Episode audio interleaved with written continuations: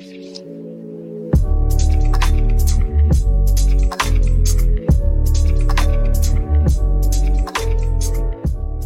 och välkomna ska ni vara till Fredens hus-podden. Jag heter Oskar Olsson och idag har jag återigen med mig Antonio Basalla. Tjena. Eh, Vi gjorde ju en snabb presentation av Fredens hus verksamhet i vår förra podd som handlade om fördomar. Och eh, den finns ju att lyssna på där poddar finns. Eh, idag är vårt tema något helt annat. Nämligen vad då Antonio? Yes. Civilkurage. Tänkte att vi skulle grotta ner oss lite mer i det. Just det. Eh, men vill du börja med en kort förklaring till vad civilkurage är? Jag tänker så här. Vad tänker du när du hör ordet civilkurage? Aha. Eh, men då tänker väl jag kanske på någon som är, eh, någon som är modig och eh, ja, men någon som gör något, något farligt för någonting som de tror på. Ja, eh, intressant. Det är ju så här att när vi har eh, workshoppar, för det är ju det här avsnittet precis som de andra bygger lite på våra workshoppar på de här temana så brukar vi alltid inleda med just den frågan. Alltså vad deltagarna själva tänker eller lägger in i begreppet. Men man kan förenklat säga att civilkurage handlar om att stå upp för sina åsikter även när det innebär en personlig risk. Okej, och vad innebär det att, att ta en personlig risk då? Det, det är också ganska svårt definierat men förenklat sett kan man säga att det till exempel handlar om att du ingriper, agerar eller lägger dig i fastän det inte förväntas av dig. Okej, ja, men kan du ge några exempel på när, när kan man visa civilkurage? Mm. Ehm, alltså du kan ju visa civilkurage i massa olika situationer.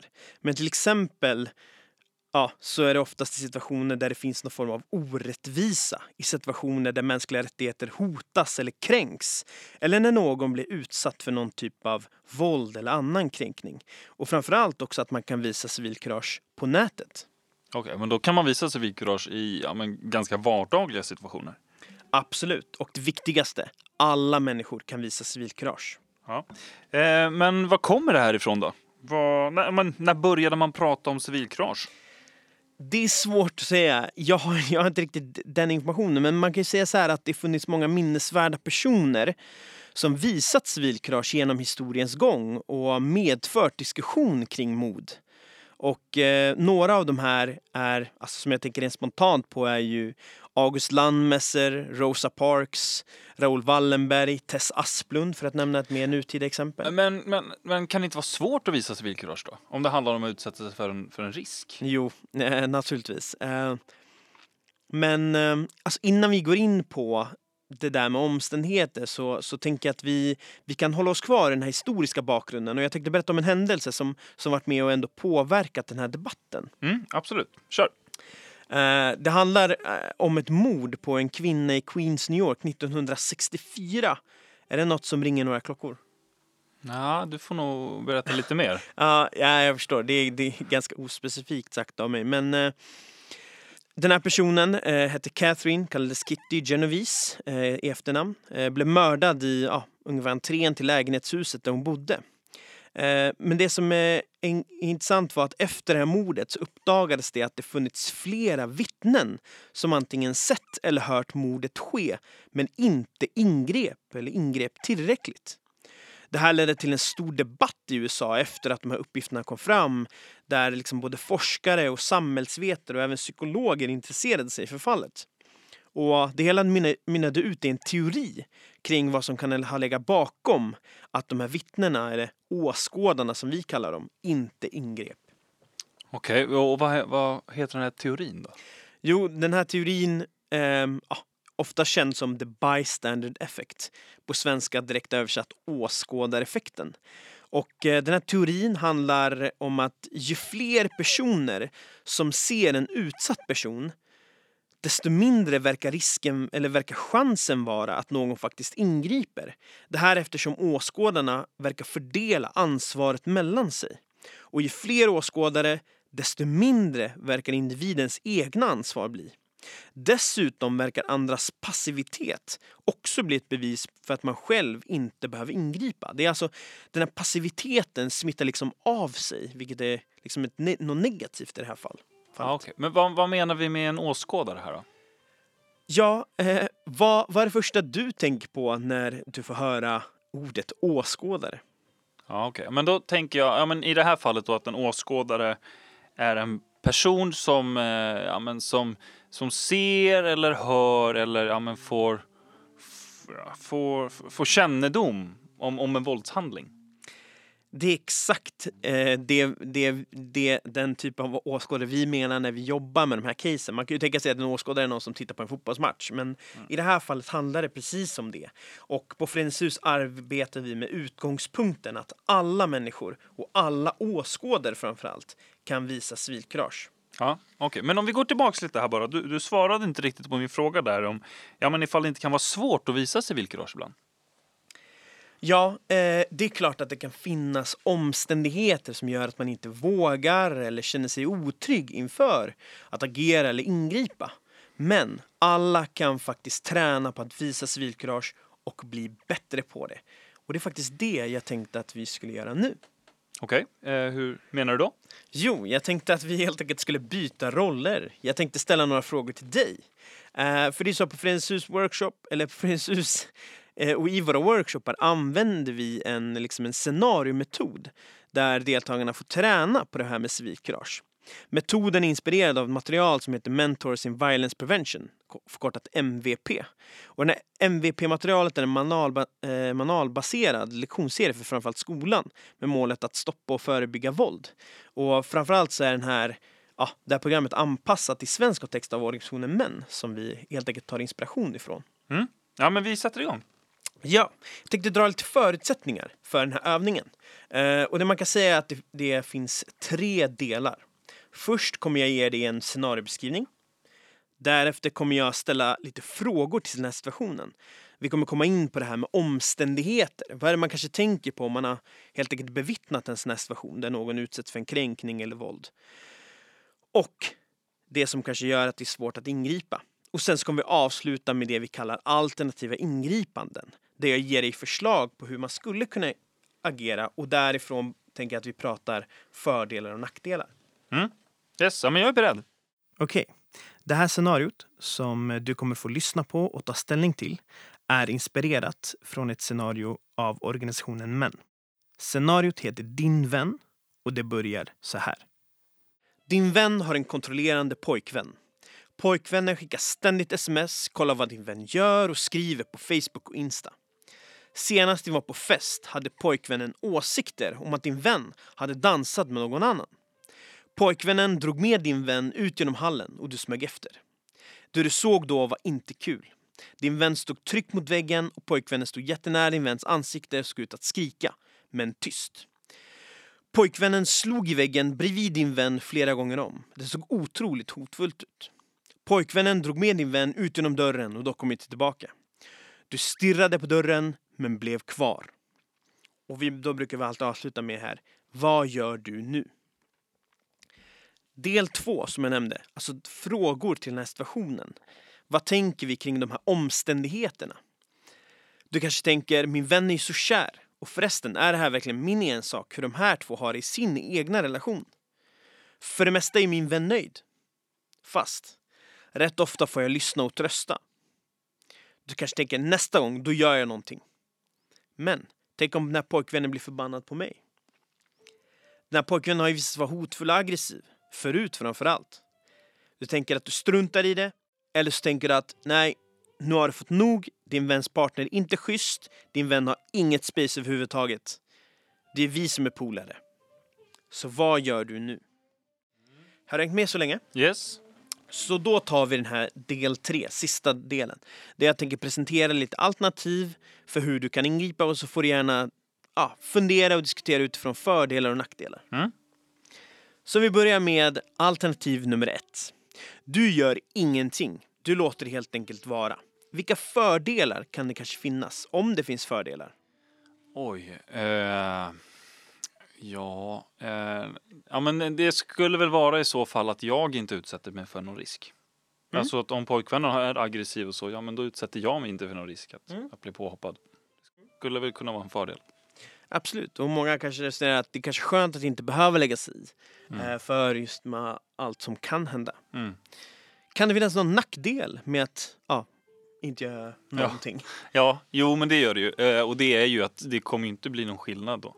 Det kommer ju förmodligen kanske Mm. till och med bli ännu värre. Ja. Mm. Ehm, nästa alternativ. Ehm, du ringer din vän dagen därpå.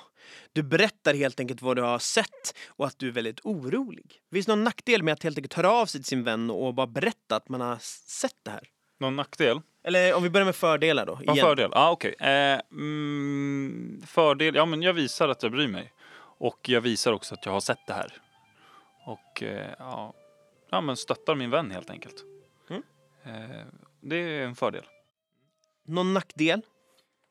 Eh, ja, det är ju att jag inte gör någonting på en gång. Jag vet inte vad som händer när han drar iväg med min vän ut genom dörren. Mm. Det kan ju ha hänt massa saker, även om jag ringer direkt dagen efter. Liksom. Mm. Ehm, vi går vidare. Ja. Ehm, du avvaktar, men du bestämmer dig för att du bestämmer dig för en viss strategi nästa gång. Du bestämmer att du konfronterar pojkvännen så fort han gör någonting liknande mot din vän.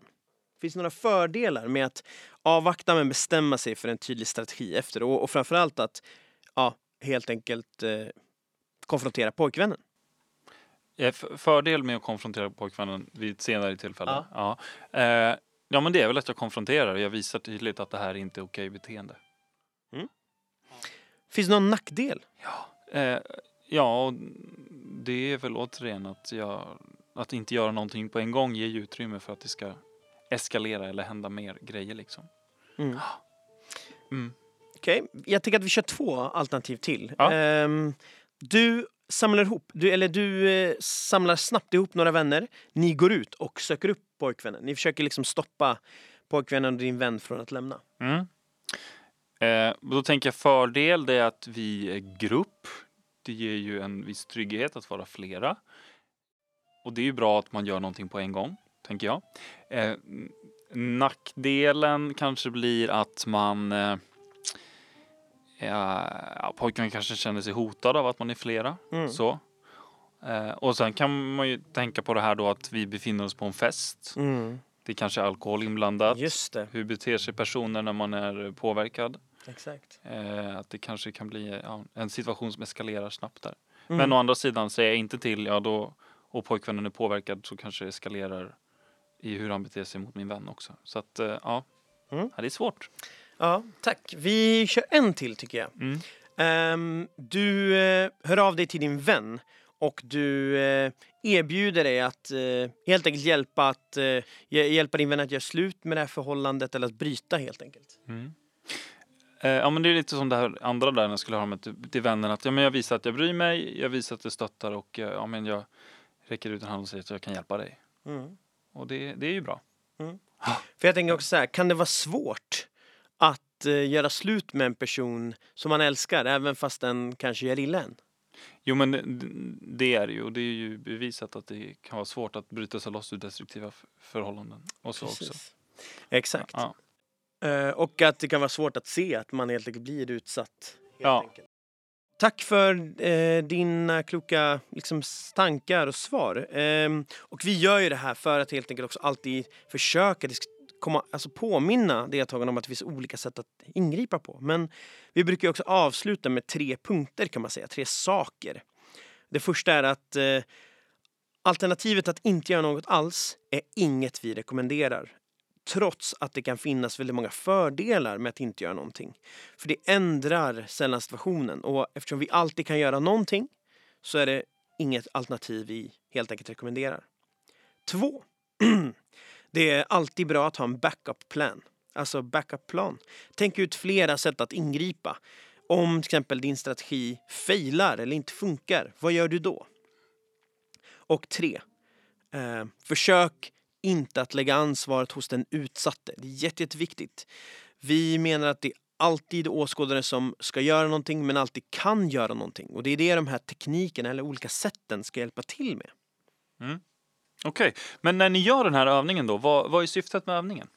Jo, men man kan säga att syftet med den här övningen är helt enkelt att eh, man ska bli bättre på att känna igen olika problemsituationer med hjälp av de här scenarierna som finns eller som vi tar fram och använder. Eh, få idéer om olika sätt att ingripa, liksom helt enkelt. Och framförallt då inspirera deltagarna själva att motivera andra i sin närhet att också ingripa när någon blir utsatt för en kränkning eller våld. Ja, men är det, är det bara precis när man ser någonting hända som man kan ingripa?